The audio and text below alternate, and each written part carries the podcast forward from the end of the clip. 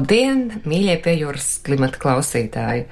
Šogad jau vienā raidījumā pieminēja Aivara Freimaņa filmu Dzīvīte, kura šogad svin 30 gadu jubileju, un, manuprāt, tā ir viena no interesantākajām, nu, katrā ziņā viena no man visinteresantākajām un tuvākajām latviešu kino filmām, un gribētos um, filmu šogad kā mēdz teikt, aktualizēt, ne tikai tāpēc, ka viņai ir jubileja, bet arī tādēļ, ka mūsu Latvijas valsts simtās gadienas atzīmēšanā, kas protams, turpinās, manuprāt, dzīvīta, ir ļoti iederīgi, jo tas nav tikai stāsts par Krišānu Baronu, tā ir filma arī par nācijas tapšanu, par pirmo atmodu, tur parādās daudzas kultūra vēsturiskas personības, Krišāns Valdemārs, Juris Salunāns, Augusts Dombrovskis, Augusts Bīlenšteins un citi.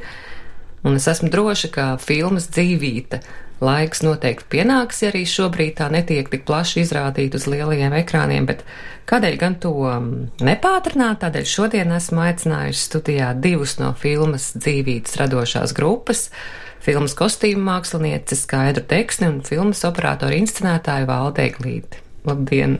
Labdien! Formāls stāsts, um, Krišāna Parona dzīves stāsts, biogrāfija, taču Filma ir izveidota ļoti oriģinālā kino valodā. Tur samiksējas dažādi žanri, dokumentālais, spēles, kino, animācija, dažādi laiki.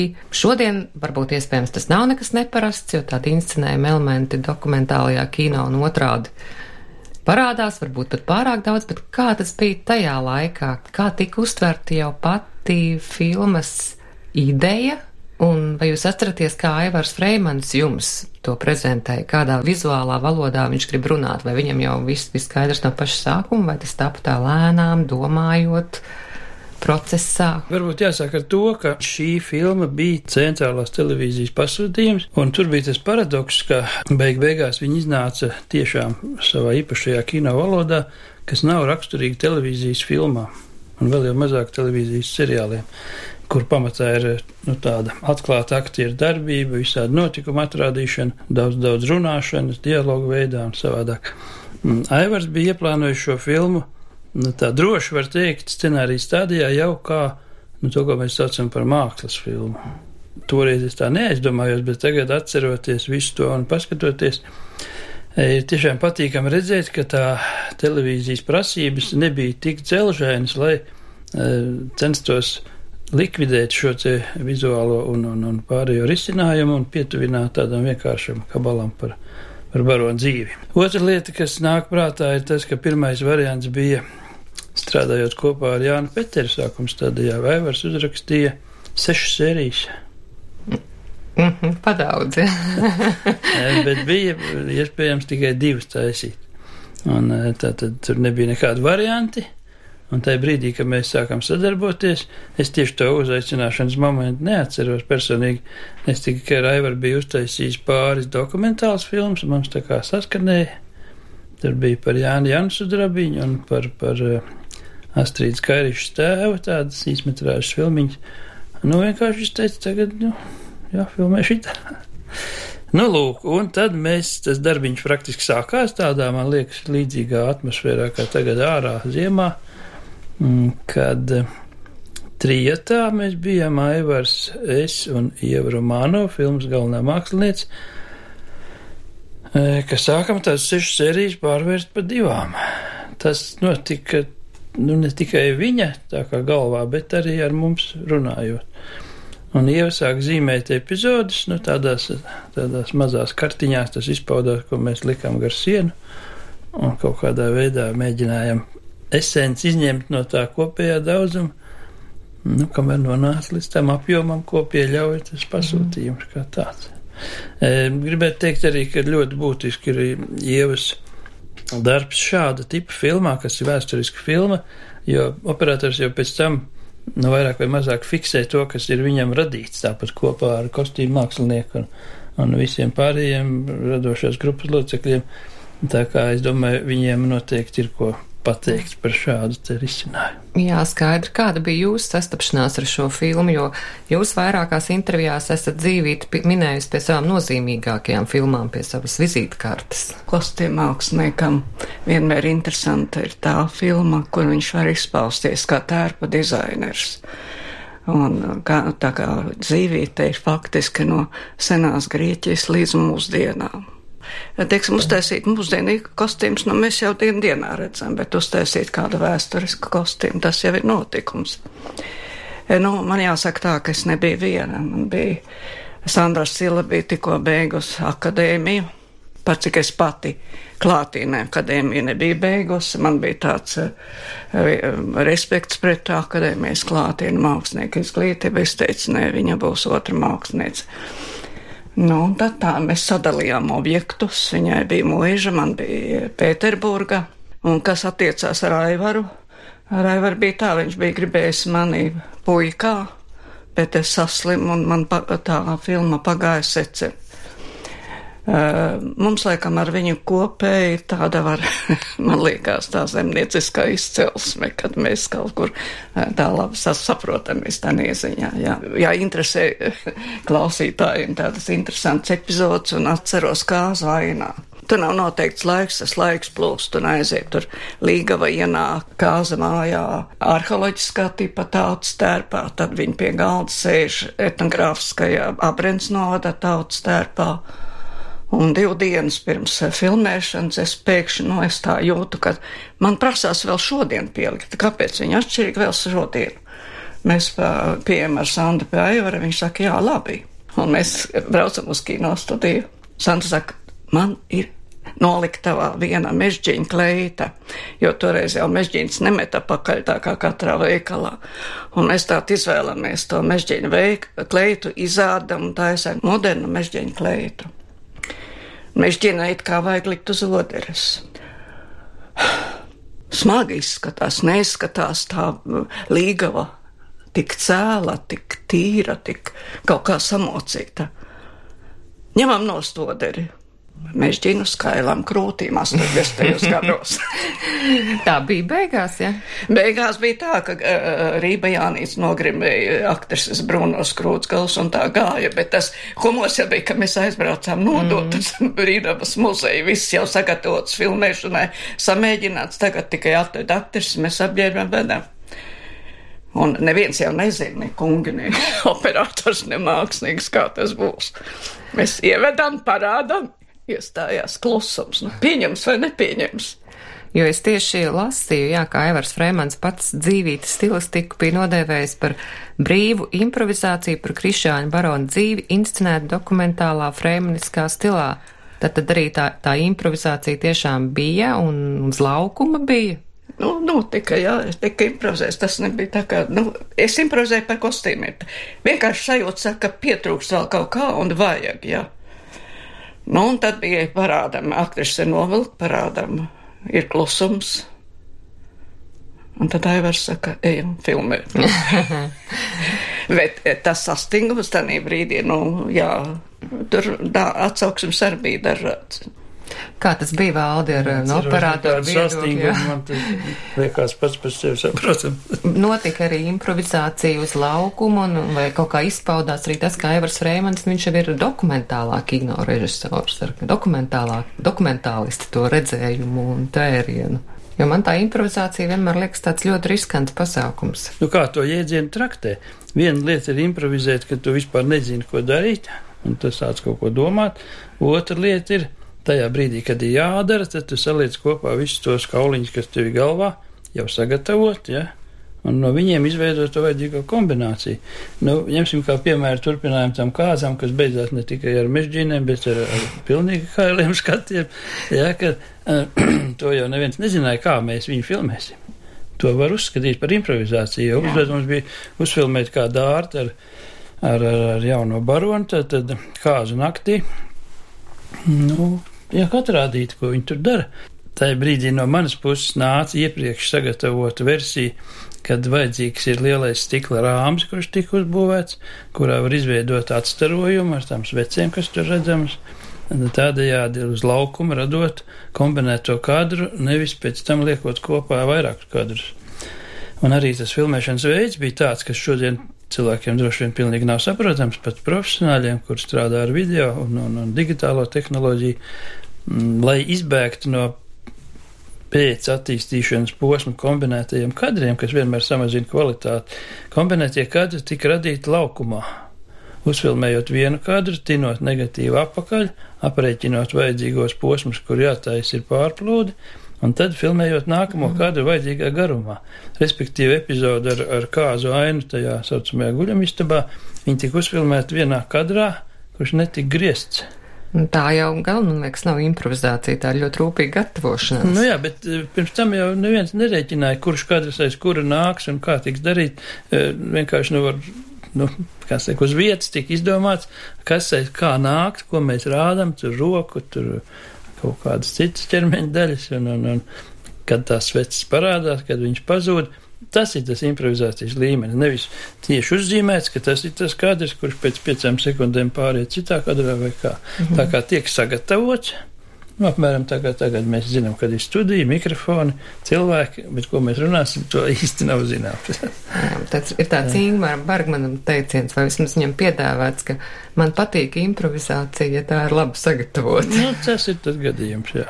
Jo tāda tieši improvizācija, ka mēs aizbrauktu kaut kur, un neviens nav informēts, kas te tagad notiks, vienkārši ir atvest aktieri un ir kaut kāda vieta, nu tāda nebija. Jūs jutāt to, kā izpaudās Aivara Freimaņa tas dokuments? Dokumentālista pieredze un daba? strādājot pie spēles vai tolaik mākslas? Nu, es domāju tā, ka viņš arī dokumentālās filmās ļoti daudz lietoja e, tātad mākslas filmas paņēmienus.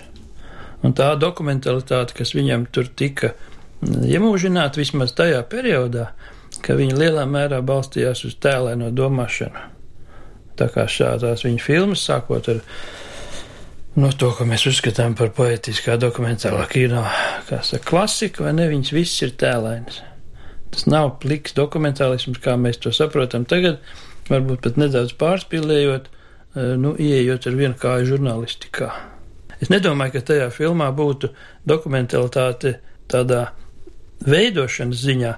Viņa bija faktu attēlošanas ziņā, nu, piemēram, tā kā šie visi notikumi, kas balstās dokumentālās fotografijās, ja, šī tāda var dabūt.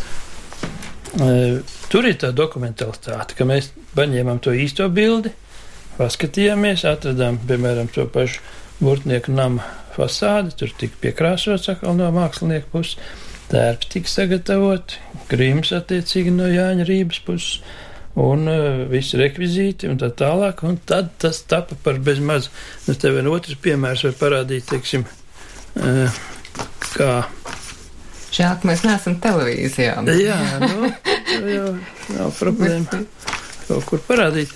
Bet, uh, teiksim, tiek ņemta šāda bilde, kas ir oriģināls. Krišāns Barons. Jā, jā, tas pie... ir no muzeja pārfotografēt. Nu, viss sagatavošanās tas ir muzeja un lietas, vai ne? Un tad tiek taisīts tas, ko dara skaidra un pārējie mākslinieki. Jānis. Un tad pēc tam nāk operators ar režisoru, un režisors pasaka, nu skaties uz šito bildi, kā viņš tur stāv, kā viņš to dara. Un es viņu tā kā nu, veidoju. Tā notika, ja skaidri arī darbs ar tērpiem, meklējot nu, viņš avotus. Tomēr prasīja to, to laikmeta ticamību katram. Jā, tā ir tā īstā Jā, un uh, es atceros, ka es tērbatā gribēju jaunajam Krišanam Baronam tādu stilīgāko mētelīti, kaut gan šūtu no uh, īstas lauku vadmalas, kur mēs iepirkām. Un uh, grabovs tāds uh, garš un tas mētelīts tāds šaurs. Viņ, viņam tas tā kā nepatika, tas bija pārāk stilīgi. Bet es domāju, nu kāpēc jau cilvēks tērbatā nevarētu tādā mētelīti iztaigāt? Bet viņam likās, ka tanī laikā vajadzēja būt apjomīgākiem, brīvākiem tendētim uz to, ka valkās visu mūžu un vēl, lai, kad augumā pilnīgāks paliek, lai der. Ja. Man no viņa ļoti patika tā attieksme vispār pret mums pašiem, latviešiem un mūsu domāšanu. Es atceros, kad es pētīju tos materiālus, un es viņam saku, tā redz, vai tā ainaža un tautas tērpā. Man izskatās, ka tā tautas tērps ir ietekmējies no pilsoniskā modes tērpā vīriešu apkaklas veidojumā. Viņš saka, paka, paka, bet varbūt tas modes tērps ir no mūsu etnogrāfijas ir, ir ietekmējis. Nu, man ļoti patīk pie viņa tieši šī domāšana. Es domāju, ka tā mums vajag domāt. Mēs varam, daudz ko varam labi. Filmā arī Dārtu baronu un Krišānu baronu atveido divi aktieru pāri jaunībā - Indra Briķe un Lenīts Grabovskis. Un mūža nogalē bija Valdemārs Sandbergs un Velta Līna. Kā tas um, kaut kā noteica arī, tiksim, darbu ar viņu tēliem, vai bija kaut kādas lietas, ko jūs meklējāt, kas tā kā savieno to jaunību? ar atkal mūža nogali. Nu, tur jau bija tās attēla, ka Indra pāriet tādā fotografē, kur noteikti valdis labāk zina, kā tas ir. Nu, viņš jau ļoti līdzīgs pēc savas būtības. Mēs tur nesējotām nekādu problēmu to atveidot jo ticami bija abi divi. Es domāju, ka te ļoti Zanberga un Grabauskas grima mākslinieks ļoti daudz, ļoti rūpīgi pastrādāja, ārkārtīgi rūpīgi. Aktieris jau var pārveidot gan ar grimu, gan ar tērpu. Un arī pārējos vēsturiskos personāžus meklējāt pēc uh, autentiski, kas viņiem, teiksim, bija mugurā tajā laikā, kā Pēc, viņi jā, noteikti, viss, jā. tas bija. Nu, jebkurā gadījumā mēs nenodarbojamies ar laikmeta stilizāciju varbūt tā improvizācija, ko es stāstīju par to kāzu ainu, kad ienāk un sēd, un tad jau mičošana ir modernājā. Nu, tas sasē, laik, laiku sasēja kopā, tādu laika plūdumu izvērst. Bet šitie jau fotografija priekšā un deksne un sila dara, ko var, lai pēc iespējas tuvāk un arī aktieri tika piemeklēt un grims izveidots. Darba bija daudz, bet gandarījums liels. Filmā ienāca arī mūsdienu, nu tā laika mūsdienu aktualitāšu slānis. Jā. Kara darbība, mūsu puišu kara dienests Afganistānā. Kā, kā tas radās? Vēl nebija Hitlers un Staļins. Jā. Un vēstures, citi vēstures jā, jā, notikumi. Jā. Nu jā, nu tas bija atmodas laiks. Mēs jau visi, man liekas, sastājāmies visās iespējamās atmodas organizācijas pilsoņu apvienībā un, un tautas frontē, un visiem bija auseklīši. Tas viss nāca līdzi tādā pacēlumā. Par to, man liekas, ir atsevišķs eh, stāsts un pētījums, kā eh, šajās divas atmodas, tā pirmā un trešā, jā. sa, tur sabalansējās. Jā, jā, tur epizode arī jā, ar labvakariešiem, jā, jā, jā. un kā tas radās filmēšanas laikā, vai tas bija ieplānots, vai tas bija, kā tas notika? Te ir drusku jāatkāpjas atpakaļ. Aivars bija tas režisors, kurš ārkārtīgi brīvi rīkojās ar laiku un telpu. To filmā, jā, ļoti tas ir, tas ir arī tas, ko es sākumā teicu, ka eh, televīzijas filmām tas nav raksturīgi. Tur parasti ir notikums stāsts, drāma vai kaut kāds krimināls, un viss notiek viens, kā saka, ar, ar sākumu un beigām, un notikums viens aiz otru turpināt. Viņam tāda problēma nebija, un tas bija ielikts jau scenārijā tas nav tā kā radies tajā brīdī, ka izdomāja, nu tagad mēs varētu tur labāk arī iespraust kaut kā. Tas bija scenārijā. Šī spēlēšanās ar laiku. Tā kā ar tiem labākariešiem tur nu, tā vienkārši bija tā, tā valoda bija. Bija situācija, kur tiešām, kā, kā skaidrs saka, bija analoģiski pirmajai atmodai, un, un, un Aivars nolēma, ka to vajag iemūžināt šādā veidā. Izteiksmes veids bija ļoti brīvs, un tas bija ārkārtīgi patīkami. Un eh, ko vēl runājot par Aivaru, tā kā viņš pats nevar aizstāvēties, es domāju, viņš man nepārmetīs. es pateikšu, viņš ir tas režisors, kurš viens no tiem retajiem režisoriem, kurš dara tikai tad, kad viņš ir pārliecināts, ka tā vajag darīt. Arī tādā improvizācijas līmenī, strādājot pie iepriekšējās filmas dokumentālās, viņam montāžas stils bija tāds, ka viņš atnāk, viņš zina visu materiālu, un kopā ar montāžistu viņi samontē, teiksim, divas minūtes. Viņš saka, pietiek, tagad es atkal braucu mājā domāt. Ja? Bet tās divas minūtes paliek. Tas nav tā, ka samontē pirmo versiju, samontē otro, 17, 155 un iekrāt. Tā man ir bijis ar citiem režisoriem vārdā nesaukšu, bet Aivaram bija šī skaidrā domāšana. Un līdz ar to gan tas scenārijs bija balstīts uz uh, spēcīgu struktūru, ar visu to īsināšanu viņi saglabājās, gan arī tas izpildījums. Un tas pārējais bija tanīs ietvaros konkrētā darbā darāms. Kas jums, kā savu profesiju pārstāvjiem, kā operatoram, kā tērpmāksliniecei, kas bija tie lielākie, kad saka, lielākie izaicinājumi šajā filmā? Lielākais izaicinājums precīzi iekļauties laikmetā un filmas uzbūvē, saprast režisoru un kaut kur ļauties. Tā kā viņš saka, tas tā varēja būt, un tā varēja arī nebūt. Nu, tad es saku, nu, tā varēja būt, ka tā līga vai trīs tērpos. Mm -hmm. Un saprast tos brīžus, kad vajag precīzi, jā, un kad var, tie, tā varēja tieši būt. Tieši tā, saprast tos brīžus, kad vajag precīzi. No principā jau tur, kur ir Dārta un uh, Krišāns Barons un uh, viņu ģimene, tur jau viss ir ļoti precīzi. Un tas vispār tas laiks, kad viņi dzīvoja, tas jau arī no tērpa vēstures ļoti interesants. Tur ir jūgens un, un tas ir tik uh, arī šobrīd uh, visiem tīkams un patīkams. Un, un ar tādu materiālu vienmēr ir gandarījums strādāt. Aivars jau ļāva strādāt. Viņš uztver tavu domu un viss notiek. Man kā tā kā nedaudz atkāpjoties no konkrētības, kad ārkārtīgi būtisks jautājums filmu veidošanā ir mācīt sabalansēt šo te informatīvo līmeni ar, ar tēlēno izteiksmi. Jo, nu, vienā gadījumā ir pilnīgi cits žanrs, otrā atkal cits. Un, nu, tā konkretizējot, piemēram, ja scenārijā ir rakstīts teksts, kur Barons atrodas savā istabā, un fonā skan tekstu, kad cilvēka mūžs ir pa īsu, lai padarītu to un to, Jā. vajadzīgi vismaz tur 200 Jā. gadi un tā tālāk. Ko lai tur filmē? Jā, jā nu, viņš sēž un tā kā mēs te sēžam un otram. Un tad uh, ir tas, nu, kā varētu teikt, šis izaicinājums, kas vārds nevisai patīk, uh, vizualizēt šo te domu Un, ja kāds atcerās vai, vai skatīsies filmu, tad atcerieties uz šo tekstu. Ir kadrs, kurš sākās ar koku zariem aiz loga, kur tādā rudenīgā noskaņā tur nedaudz šūpojas, tad mainās asums un parādās norasojas loga rūts, un pēdējais asuma pārvešanas moments ir barona ļoti liels tūplāns no sāniem, brilles, acis, daļa no ūsām, bārdas.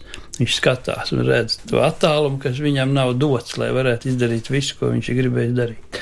Nu, acīm redzot, tā ir tā vizuālā domāšana, un tas arī bija tas, ko Evers gribēja, lai pēc iespējas vairāk filmā tiktu ieviest šādi paņēmieni, tāpēc tik lietot arī tie atspīdumi, šie kombinētie kadri, tur, kur mainās tie portreti, arī tas ir kadrs, kurš tieši paviljonā taisīs nevis trīs kadri, pēc tam sapludinā, mainot gaismu un, un tā tālāk, bet saglabājot acu attālumu kadrā un, un mērogu kā tādu.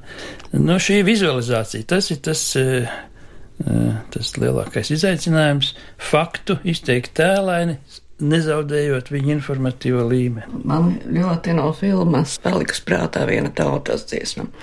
Arāņi bāleliņi visas tavas kājas zied. No kājām ziedi bira no rokām sudrabiņš.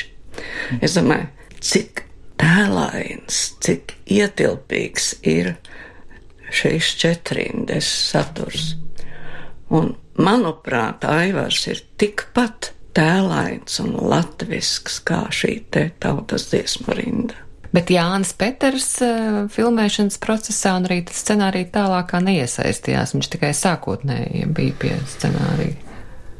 Bet tas bija ļoti aizņemts ar atmodas organizēšanu. Laikam tas bija tas galvenais jā. iemesls, ka viņš nevarēja tā īsti pieslēgties.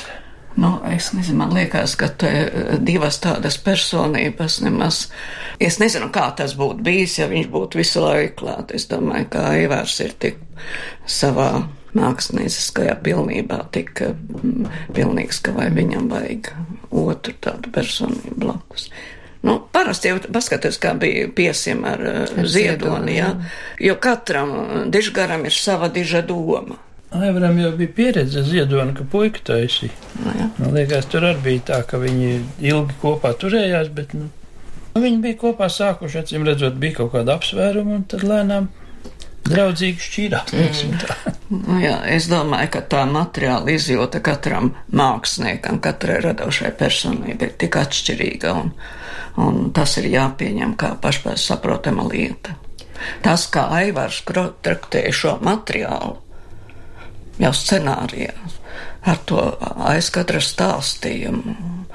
Jā, jā, tas, Tad, kad mēs ēdolē filmējām, atceries, kongress bija tautas fronts kongress bija, mēs vēl klausījāmies, stāvējām te pagalmā ēdolē tur un klausījāmies, ko runā tādā kongresā. Man liekas, tas fantastiski, nu, ka filma tapa um, tajā atmodas laikā un tajās atmodas noskaņās, un Jā. viņas arī jūtamas tajā filmā. lai gan tā nav dokumentāla filma, bet ir jūtams arī tas laiks, tās pārmaiņas, kas tajā laikā notiek Latvijā. Nu, es esmu vienmēr teikusi, ka filmā vienmēr jūtam ir aizkadra dzīve. Man tāds nodrāsts eh, apgalvojums, ka mākslinieks ir imanents savā mākslas darbā. Nu, tā visa tā grupa, tas mākslinieks, viss tas laiks, ir, nu, mēs tur esam ar savām izjūtām, kuras gribot, negribot, viņas tur ir. Neatkarīgi no mums, imanenti. Neatkarīgi. Un Mārtiņa Brauna mūzika, man liekas, arī deva vēl vienu tādu papildu es, dimensiju filmai. Es paklausījos iepriekšējā raidījumā un tiešām pievērsu uzmanību Mārtiņa mūzikai, jā. Ļoti. Un, un tas, ka tur ir tautas dziesmas un, un, un tas viss ir kopā, tas neiet pretī. Un ļoti interesanti, man ļoti likās, ka ļoti skaisti, ļoti pareizi un ļoti vietā un ļoti precīzi ir ielikta animācija šī filmā ka nevienu brīdi nav sajūta, ka kaut kas liekas tas būtu. Frēmanim bija arī tas stils, ka viņš filmē dažādas neaktierus vai tipāžus. Filmējās arī mūziķa Dita Krenberga un Pēters Korsaks tur parādās un Neibards, kā viņš, kā viņš tos tipāžus piemeklē. Viņš gribēja viņus vienkārši iemūžināt, vai viņš skatījās, kurš ir līdzīgs, vai kāds, kāds bija tas viņa princips. Es īsti nezinu, es tik zinu, ka man jāapģēr fotogrāfs. es arī nezinu Jā. to iemeslu, bet es zinu, ka viņam Nu, Korsaks jau pieredzējis aktieris. Viņam, viņam, acīm redzot, bija gan interesi par to, lai tas pēc, pēc izskata būtu adekvāts, ko varbūt nevar sagaidīt no aktiera, e, gan arī šī nelielā īstenības sajūta, ko dod tāds neaktieris ar savu klātbūtni. Profesionāls. Nu, Dita jau aktris, kur tur. Nu, skatos cilvēks, jā. jā, jā, nu, jā. Viņa jau brīnišķīgi tur viss darījās. Nu, viena no skaistākajām epizodēm, man liekas, ir tā nogales pilī, kas bija atceries, ka kur, kur, kur spēlēja to flautu. Tur jau bija gan, gan uh, mākslinieks Nikītins, gan tas pats Nēbards, un tur bija, nebija. Vai jums ir um, sanācis filmu noskatīties kaut kad tagad, un kā jūs skatāties ar šodienas acīm, un, protams, tas, kā tu skaties filmu ar gadiem, tas mainās. Vien. Es vakar bišķi paskatījos, lai zinātu, ko šodien runā. ja, nu, aizmirstās, reāli, es ieraudzīju daudz jaunus kadrus, ko es biju sen aizmirsis. Un bija tā, ka bija epizodes, kuras gribētos filmēt šodien savādāk, un iemesls bija pamatā, no, ka tas eh, sagatavošanās darbs ir veikt tik liels un tur ieguldīt tādi resursi, ka tu nevari sagaidīt kaut kādu gaismu, ko gribētos. Un tu nevari filmēt tādā brīdī, kad tu gribētos, teiksim, tur agri no rīta vai, vai kaut kādā īpašā eh, vakara stundā, kad ir dzirgi, kad ir Eh, masu skati kaut kādi, kad ir vēl kaut kas atvests, kas ir uz divām stundām, un tajā brīdī ir apmācies un neinteresants, un vienkārši tev vajag to koplānu, un koplānu tu nu nekādi nevar īpaši ietekmēt, it sevišķi senī laikā, ja nav šī digitālā pēcapstrāde, kur mūsdienās var daudz ko izdarīt vēl. Tā kā, nu, tas man likās no vakardienas skatīšanās, nu, tīri vizuāli, ka varētu, nu, viņš pamainīt tos filmēšanas apstākļus, un tur būtu labāks rezultāts. E, no ritma viedokļa tas būtu jārunā varbūt režisoriem. Nu, es nedomāju, ka viņš varētu daudz mainīties. Es varu tikai teikt to, ka es, mēs skatāmies e, Rīgas kinostudijas filmas. E, mēs tā savā laikā bijām ļoti kritiski paši pret sevi, ļoti prasīgi, līdz sīkumiem, līdz noslīpējumam, lai viss būtu tā, kā vajag. Tagad, kad mēs skatāmies to, ko mēs kritizējam, tur ir māksla, tur ir viss kārtībā. Nu, atsakot, mēs pārliecināmies, ka mēs tiešām Rīgas kino studijā toreiz strādājam ļoti profesionāli. Gribētos filmu redzēt, jā, vairāk uz lielajiem ekrāniem, kinoteātros vai kādā pasākumā. Droši vien vajadzīga restaurēta kopija. Jā, gribēju teikt, noteikti. jo manā rīcībā nav ziņu par to, ka kaut kur ir kāda laba kopija. Visas ir no nu, tādas nolējumi no, no betekām kaut kādiem pārdzīšanas laikiem. Tā kā, ja tas būtu kādā plānā, es domāju, tas varētu būt pavisam cits skats uz to visu. Jā. Mm. Runājot par tērpiem un dekorācijām, es domāju, tur ir tik bagāta krāsa palete, ka viņu sliktā kvalitātē vispār nedrīkstētu rādīt. Jā, nu šobrīd notiek latviešu kino arhīvu Nu, restaurācija un filma dzīvīte arī varētu būt viena no. Jā, tas būtu ļoti Tā. patīkami, bet eh, domāju, ka izēja materiāli mums nav pieejami. Pat mākslas filmām Maskavā viņi visi ir tikai atrodami un tiek taisīts no labākā gadījumā no kontratīpa, un tas ir no otrā negatīva. Bet televīzijas filmām, man liekas, viss ir Maskavā. Bet ko tas nozīmē, ka tā restaurācija nemaz fiziski nav iespējama? Nu, nav kaut kāda pozitīva. Pozitīvā kopija, kas ir iespējams televīzijā, iespējams arhīvā, bet tas ir jau pozitīvs, kurš jau noteikti ir kļuvis sarkans, oranžs un, un, un skrā, saskrāpēts un tā tālāk. Tā kā, kā var reāli viņu restaurēt kvalitatīvi, grūti pateikt šajā brīdī. Es nu pat biju eh, studijā, kur to dara pie Roberta Vinovska. Viņi pat labāk restaurē. Es visu atceros Richardu vai Akmens un Šķembs. Bišķi paskatījos. Viņi taisa arī no kontratipa. Viņiem nav pieejams nekas labāks. Cenšas, nu, attiecīgie speciālisti un dara, bet tas nav oriģināls. Filma saņēma arī lielo kristapu, un gandrīz visa filma saņēma lielo kristapu. Apbalvot tika arī filmas režisors Aivars Freimans, mākslinieca Ieva Romānova, operators Valdis Eglītis, kostīma mākslinieca Skaidra Deksne un Sandra Sila, Es lasīju un brīnījos. grīma mākslinieks Jānis Rība un arī komponists Es lasīju un brīnījos, jo man ir viena medaļa no Emīla. Nu, ar kaut ko jūs tikāt apbalvoti. Varbūt, ka tur deva līdzi tādu rakstu gabalu. Nē, nē, droši vien tas ir pateicības rakstās, gan ir, jā. Kādas, um, kādas bija skatītāja reakcijas? Vai viņi pieņēma un saprata um, Aivaru Freimaņa kino valodu? Nevar komentēt. Ne. Es, es arī nevaru komentēt. Nu, vispār tas darbs stils agrāk bija bišķi savādāks nekā tagad. Jā. Bija jāfilmē. Es uzfilmēju filmu, taisa nākamo un viss. Jā, neviens Pārējais tur- tur mārketingu un visādi, kas tagad Jā, tas toreiz nebija. Tāpēc es gribēju pajautāt, vai, vai es pareizi atceros, ka filmām nebija pirmizrādes.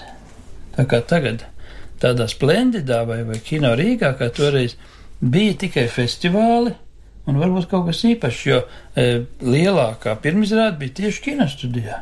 Jā, jā. Tad, kad filma tika pabeigta, tad lielajā tonā telijā sanāca grupa, darbinieki, uzaicinātie viesi. Tur arī noskatījās, dabūja šito torti tradicionālo.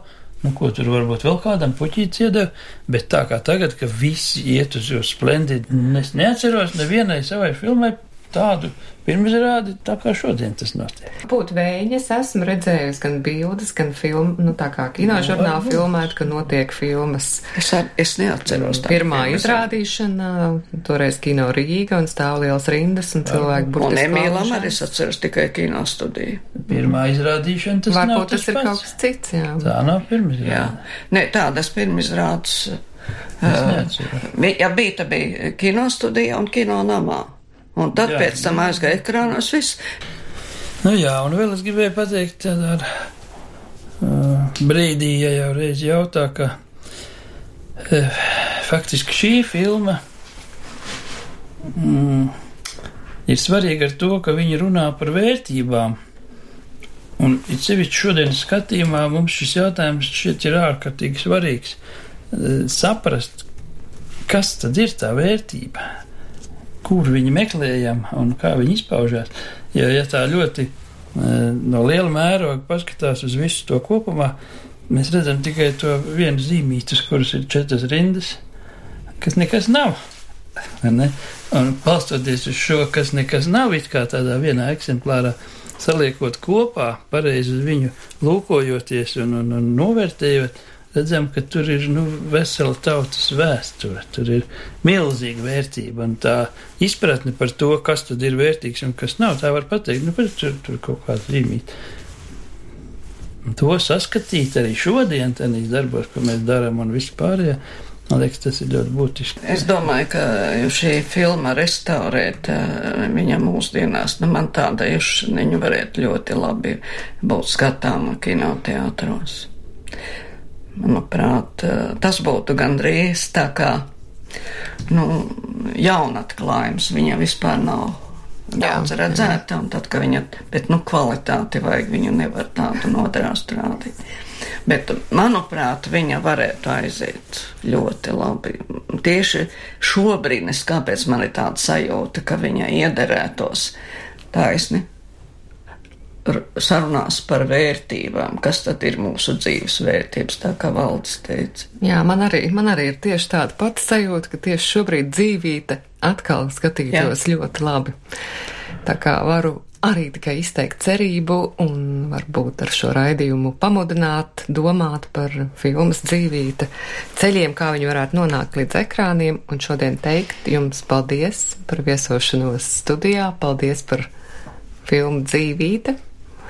Šo raidījumu veidoja Kristīna Žēlve, producēja Agnese Zeltiņa un Inga Saksone, montāžā palīdzēja Andra Čerņevska, mūs atbalsta Kultūra Kapitāla fonds.